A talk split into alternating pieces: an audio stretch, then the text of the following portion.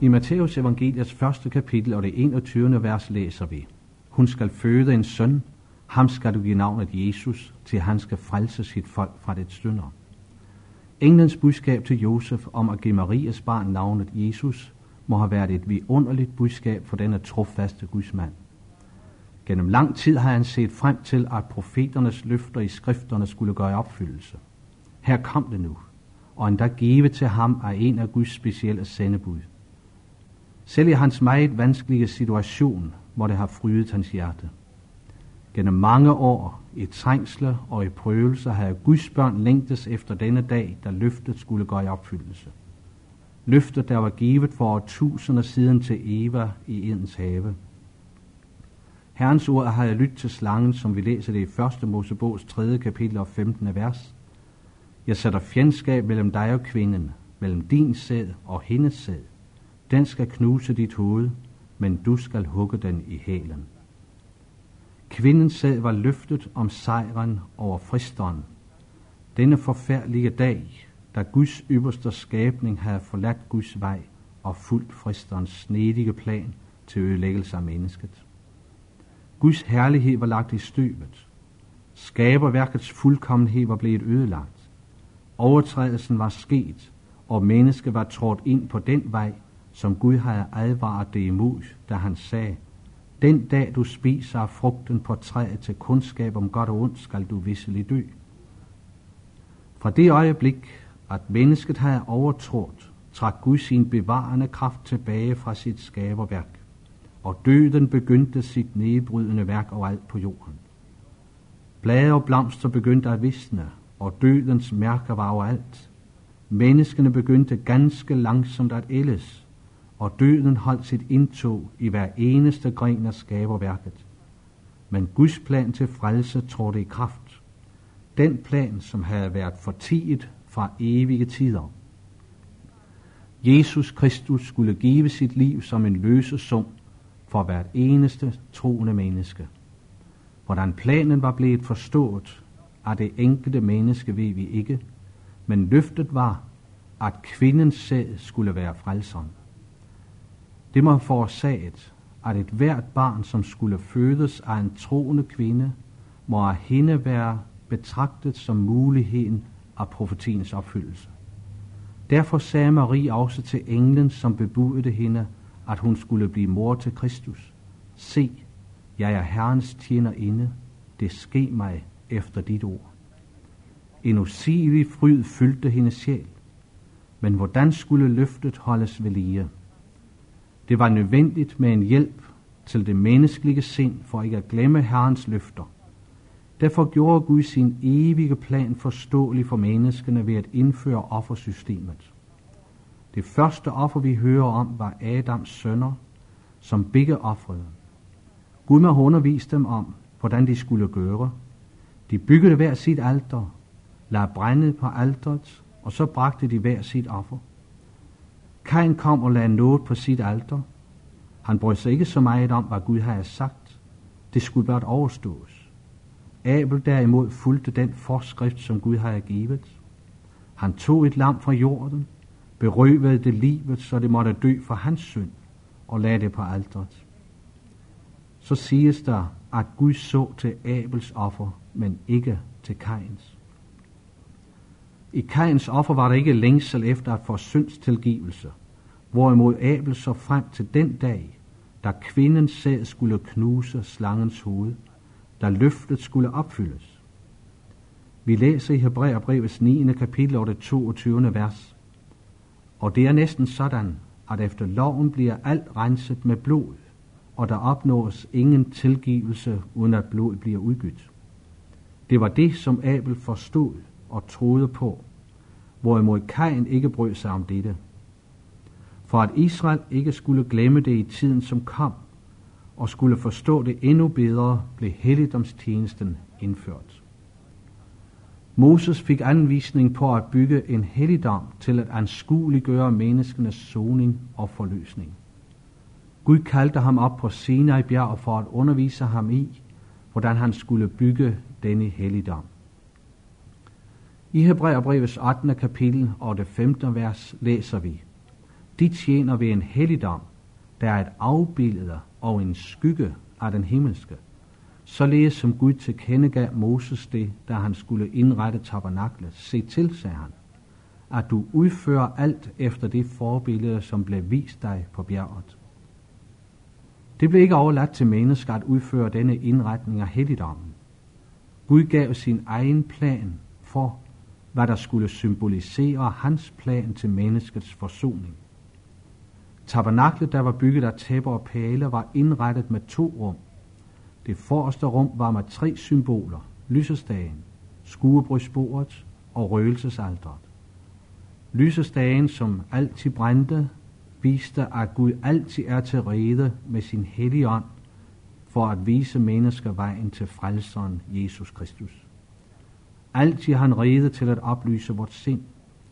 Altid står han til vores rådighed for at lede os og kaste lys over Guds ords herlige evangelium. Vi behøver aldrig at vandre i mørke, fordi Helligånd vil lyse for os. Skuebrudsbordet, hvor de tolv brød blev lagt, et for hver af de tolv stammer i Israel, fortalte om Guds ord som livets brød for den enkelte. Guds ord må være vores daglige føde, så vi kan vokse i Guds visdom, og han kan oplyse vort sind om sin frelsesvej. Livets brød er altid til rede for enhver hungrig sjæl. Gud vil mætte enhver, som kommer til ham for at få føde for sin sjæl. Alteret, hvorpå der dagen lang brændte røgelse, fortalte folket, at Gud altid er rede til at modtage sit folks bønder. Om de opstiger til ham dag eller nat, så vil de altid blive hørt.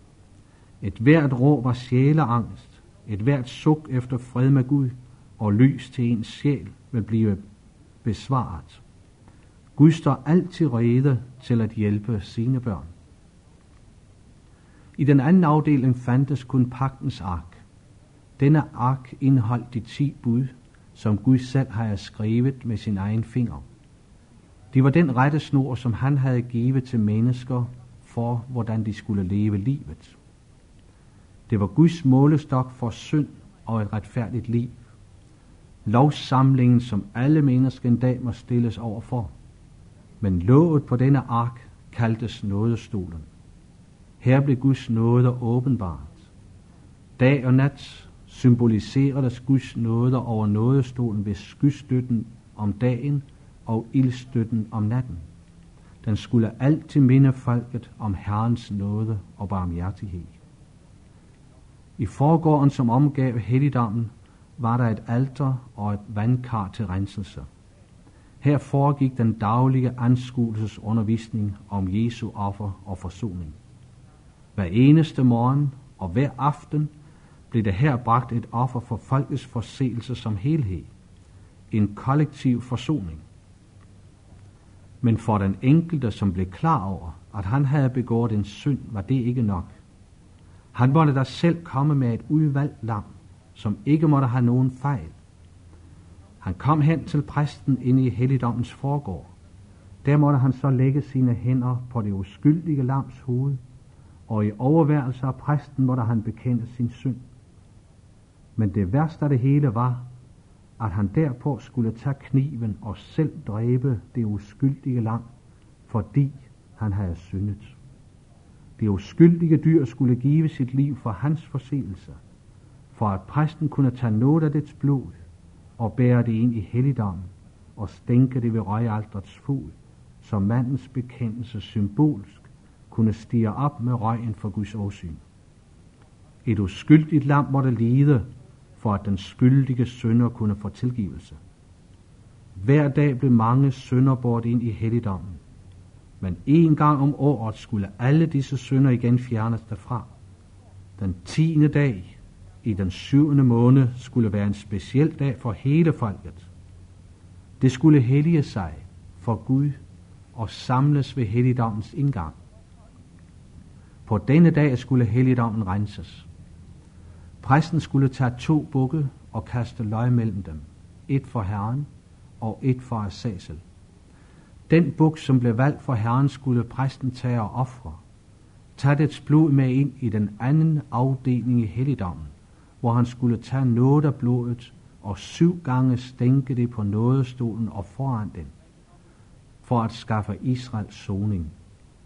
Det var den eneste dag i året, hvor ypperste præsten måtte komme ind i det allerhelligste, og han måtte ikke komme derind uden blod, og med røgelse, som skulle skjule ham for Herrens åsyn. Han skulle også stænke noget af blodet på arken i forgården og stryge det på aldrets horn for at rense det for synd. Hans næste gerning var at gå til den buk, som var valgt til Asasel. Han skulle lægge sine hænder på dens hoved og bekende alle Israels synder over den, og lægge dem på den, hvorefter den blev ført ud i ørkenen for at omkomme. Således står der, skulle han skaffe soning for alle israeliternes urenheder og deres overtrædelser. Gennem et helt år var deres synder symbol blevet overført til helligdommen. Men på den store forsoningsdag blev alt folkets synd sonet ved det dyr, som fremstillede Messias. Det var den buk, som var for Herren. Det andet dyr, som symboliserede den onde, blev ført ud i ørkenen for at dø. Det var en fremstilling af den skæbne, som engang rammer Satan, som er syndens ophavsmand. Hvorfor er hele denne helligdomstjeneste nedtegnet i Bibelen? Ikke mindre end en hel bog i det gamle testamente beskriver denne helligdomstjeneste. Og i det nye testamente finder vi også en bog, som omtaler det, det samme, nemlig Hebræerbrevet. Hvad betyder alle disse symboler for den kristne i dag? Har de nogen betydning overhovedet? Hvorfor bruges der så meget i Bibelen på dette spørgsmål? Årsagen er, at det kaster lys over Kristi gerning, hans forsonende tjeneste for os. I anskuelsesundervisningen i helligdomstjenesten, i profetierne i hele det gamle testamente er der givet løfter om hans gerning. Hos Esajas har vi en af de mest talende forudsigelser i kapitel 53 og vers 5. Men han blev såret for vores overtrædelser, knust for vores brødes skyld, os til fred, kom straf over ham, vi fik læget om ved hans sår. Hvilken vidunderlig forudsigelse som Jesu gerning. Vi finder en anden i salmen 22, 17. De har gennemboret mine hænder og fødder. Kunne det siges mere tydeligt? Gennem 4.000 år øgedes længslen efter at se ham, der var givet løfte om. Så kom englen til Maria og siger til hende, frygt ikke Maria, til du har fundet noget for Gud at se. Du skal undfange og føde en søn, og du skal give ham navnet Jesus. Navnet Jesus betyder frelser. Nu var tiden kommet til, at Jesus skulle opfylde det løfte, der var givet til Eva i Edens have. Tiden var inde, som Paulus siger i Galaterbrevets 4. kapitel, verserne 4 og 5.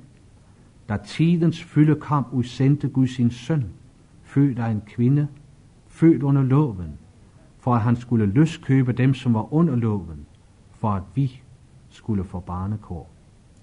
Tidens fylde var kommet, og Jesus blev født i Bethlehem. Kvindens sæd var kommet for at tage kampen op mod slangen. Løftets opfyldelse var lige for døren. Bibelen siger, at Jesus voksede og gik frem i visdom og vækst og yndest hos både Gud og mennesker. Han forberedte sig til sin gerning. Han skulle bære verdens synd. Han skulle vinde det tabte tilbage, det Adam mistede ved sit fald. Kun få bemærkede hans komme til denne jord. Han blev betragtet som et hvert andet barn. Så da han som voksen trådte frem blandt mennesker for at starte sin egentlige livsgerning, var han kun kendt som tømmermandens søn fra Nazareth. Der var intet ved hans udseende, som tiltrak sig menneskers opmærksomhed. Kun ved Helligåndens ledelse var det muligt at finde Guds søn. Så trådte han frem for at blive døbt af Johannes. Han kom sammen med alle de øvrige, der også gerne ville døbes. Ingen kunne se noget særligt ved ham. Men Helligånden åbenbarte for Johannes, hvem Jesus var. At han var det Guds lam, som bærer verdens synd. Johannes pegede på ham og sagde det til de mange mennesker, som var der. Og stemmen fra himlen lød efter hans stå. Denne er min søn den elskede, i ham har jeg velbehag. Fordi han gjorde Guds gerning, har jeg Gud hans velbehag. Det næste, der fortælles om Jesus, er, at Matthæus beretter i det fjerde kapitel, verserne 1 og 2, som vi læser. Jesus vendte tilbage fra Jordan, fyldt af Helligånden, og blev ude i ørkenen ført af Helligånden i 40 dage og fristedes af djævlen. Jesus var under Guds ledelse, og hans kamp begyndte med det samme. Han måtte fristes af djævlen. Kampen skulle kæmpes, og den fortsatte hele hans liv. Han måtte vinde det tabte tilbage igen. Kvindens sæd skulle knuse slangens hoved. Det, som nu lå foran Jesus i hans kamp, var det, som hele helligdomstjenesten viste hen til. Hver eneste blødende lam var et løfte om, at Jesus ville komme en dag og zone synden. Lammet skulle være et voksen, fejlfrit lam. Derfor måtte også Jesus være i sin manddomskraft, da han tog kampen op. Efter tre og et halvt års forberedelse kom han til denne opgave, som symboliseres i den store forsoningsdag. Man udvalgte lammet. Ypperste præsterne og røgsherrerne havde længe gået og ventet på en anledning til at fange Jesus. De havde valgt ham som offret for folket, sådan som ypperste præsten udtalte det. Det er bedre, at en mand dør for folket, end at hele folket skal gå til grunde. Og så det var en profeti om det offer, som Jesus skulle bringe. Judas hjalp dem med at fange Jesus. Da han forlod nadversalen med sin skyldbetyngende samvittighed, gik han hen og tilbød rådet sin hjælp med at fange Jesus. De hentede ham i Gethsemane have og førte ham til forhør hos ypperstepræsten. De kendte ham skyldig i Guds bespottelse for at sige, at han var Guds søn. Derefter førte de ham til Pilatus. Her blev han fremstillet sammen med Barabbas, og Pilatus bad dem om at vælge, hvem af dem der skulle ofres, og hvem der skulle frikendes. Ligesom man på forsoningsdagen kastede løg mellem de to bukke, hvilken der skulle være for Herren, og hvilken for assasen. Den for Herren blev offret for at zone folkets synd. Her valgte man Jesus som offerlammet og frigav Barabbas som derved kom til at stå som repræsentant for Satan, og Barabbas var en tyv, røver og morder. Symbolet var fuldendt. Korsfest Jesus, offer ham. Lad ham blive offerlammet. De forstod ikke, at de valgte det lam, som skulle være det store forsoningsoffer. Han skulle bære folkets synder op på alderet. Blodet skulle udgydes for at zone folkets synd. Der stod han, det uskyldige lam, som Johannes havde benævnt ham, med tårnekronen på. I offertjenesten skulle præsten derefter tage lammets liv og ofre det for folkets synder, hvorefter blodet blev bragt ind i helligdommen for at rense den fra de synder, som var blevet oplagret der. Præsten gik alene ind i helligdommen med blodet. Ingen måtte følge ham. Folket udenfor var i andagt, bøn og bekendelse. Jesus gik nu sin vej til Golgata. Han gik hen til aldret. Han blev symbolsk lagt på aldret ved at blive navlet til korset. Men læg mærke til, der var ingen præst her, som foretog offringen. Der var ingen, som dræbte Jesus. Man kunne ikke pege på en mand og sige, at du har dræbt Jesus. Han gav selv sit liv. Han var selv både præsten og offerlammet, som det gives til kende i Hebræerbrevets 9. kapitel og det 14. vers. For meget mere vil der ikke Kristi blod, fordi han i kraft af en evig ånd frembar sig selv som et lydefrit offer for Gud, rense vores samvittighed fra døde gerninger, så vi kan tjene den levende Gud. Han frembar sig selv. Han gav selv sit liv. Der var ingen, som tog det. Da Josef og Arimathea kom for at få Jesu læme udleveret, var Pilatus forbavset over, at han allerede var død. Der var også mange andre, som undrede sig, da Jesus døde. Efter at have hængt cirka seks timer på korset, mens mennesker spottede og hånede ham, og Gud skjulte sit ansigt for ham, i det han lå et tæt mørke, omslutte ham i tre timer, der udtalte han, det er fuldbragt. Det var ikke en røst som fra en døende, men derefter bøjede han hovedet og gav sit liv. Han var lammet, der blev offret, men han var også selv præsten, der bragte offret. Når lammet var dødt, skulle præsten tage noget af blodet og stænke det på nådestolen til soning af synden. Han skulle gå ind i helligdommen med blodet. Derfor var det nødvendigt med opstandelsen.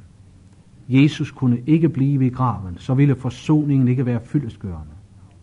Men hvilken øverste præst skulle bære blodet ind i helligdommen? Kun en, som havde adgang der, kunne gøre det.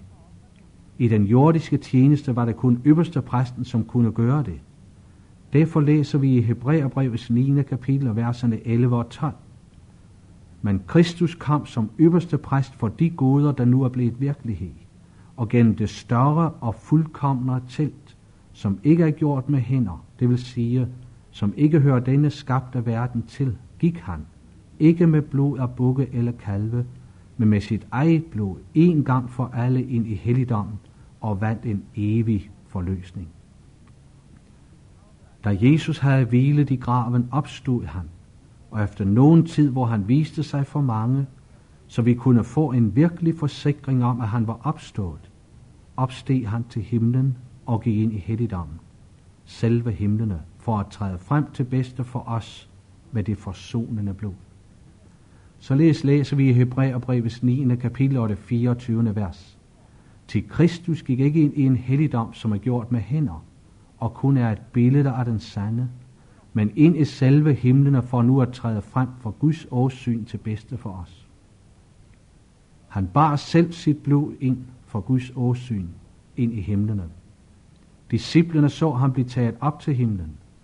De så han gik til faderen, til helligdommen med sit eget blod. Hebræerbrevet 7. kapitel og 26. vers siger, til en sådan ypperste præst passer det også for os. En, der var hellig, uberørt af det onde og ubesmittet, skilt ud fra syndere og ophøjet over himlene. Hele den gamle pagts offertjeneste var tilrettelagt for at symbolisere Jesu frelsegærning. Er det ikke fantastisk, at den plan, som var lagt fra evige tider om menneskenes frelse, kunne finde sin udformning i den helligdomstjeneste, som Gud ved Moses gav til Israels folk. Når de havde syndet og kom med lammet for at ofre det og for tilgivelse, så de i troen Jesus give sit liv for synderen. Vi i dag, efter at Jesus har givet sit liv som et offer, behøver ikke at slagte et lam for vores synd. Vi læser om Jesu gerning for os i dag i Hebræerbrevet 7. kapitel 25. vers. Derfor kan han også helt og fuldt frelse dem, som kommer til Gud ved ham, fordi han altid lever, så han kan gå i forbøn for dem. Jesus lever altid i himlene, hvor vi kan komme til ham. Når vi har syndet, kan vi bøje vores knæ og bede Jesus om tilgivelse. Hans blod, som blev udgydt på Golgata, og som blev båret ind for Guds åsyn af Jesus selv, har sonet vores synd.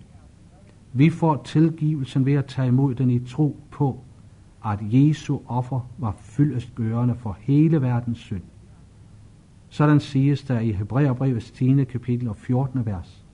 Til med et eneste offer har han for bestandig ført dem, der helliges til fuldendelse. Med et offer. Det var fuldbragt, og det er fuldbragt for bestandig. I dag tjener Jesus ved helligdommen i himlen som vores ypperste præst, der går i forbøn for os hos faderen. Går i forbøn for enhver synder, der med ydmygt hjerte vil komme til ham. Men frelsesplanen er endnu ikke fuldendt. Forsoningen venter på den sidste fase. Vi er endnu her i denne syndige verden med al dens elendighed. Hebræerbrevets 10. kapitel, verserne 35-38 siger til os, Så kast der ikke jeres frimodighed bort, den har nemlig stor løn i følge. Til I behøver udholdenhed for at gøre Guds vilje og få, hvad der er forjættet. Til der er endnu kun en liden stund, snart, snart så kommer han, der skal komme, og han tøver ikke. Og mine retfærdige skal leve at tro. Jesus kommer snart. Han vil komme. Han har lovet det. Og vi skal indtil der leve i tro på, at løftet skal opfyldes. Vi skal leve i tro på, at vores synder er tilgivet. Jesus har sonet vor brøde, og vi kan gå frigjort videre i forsikring om, at sejren er vor.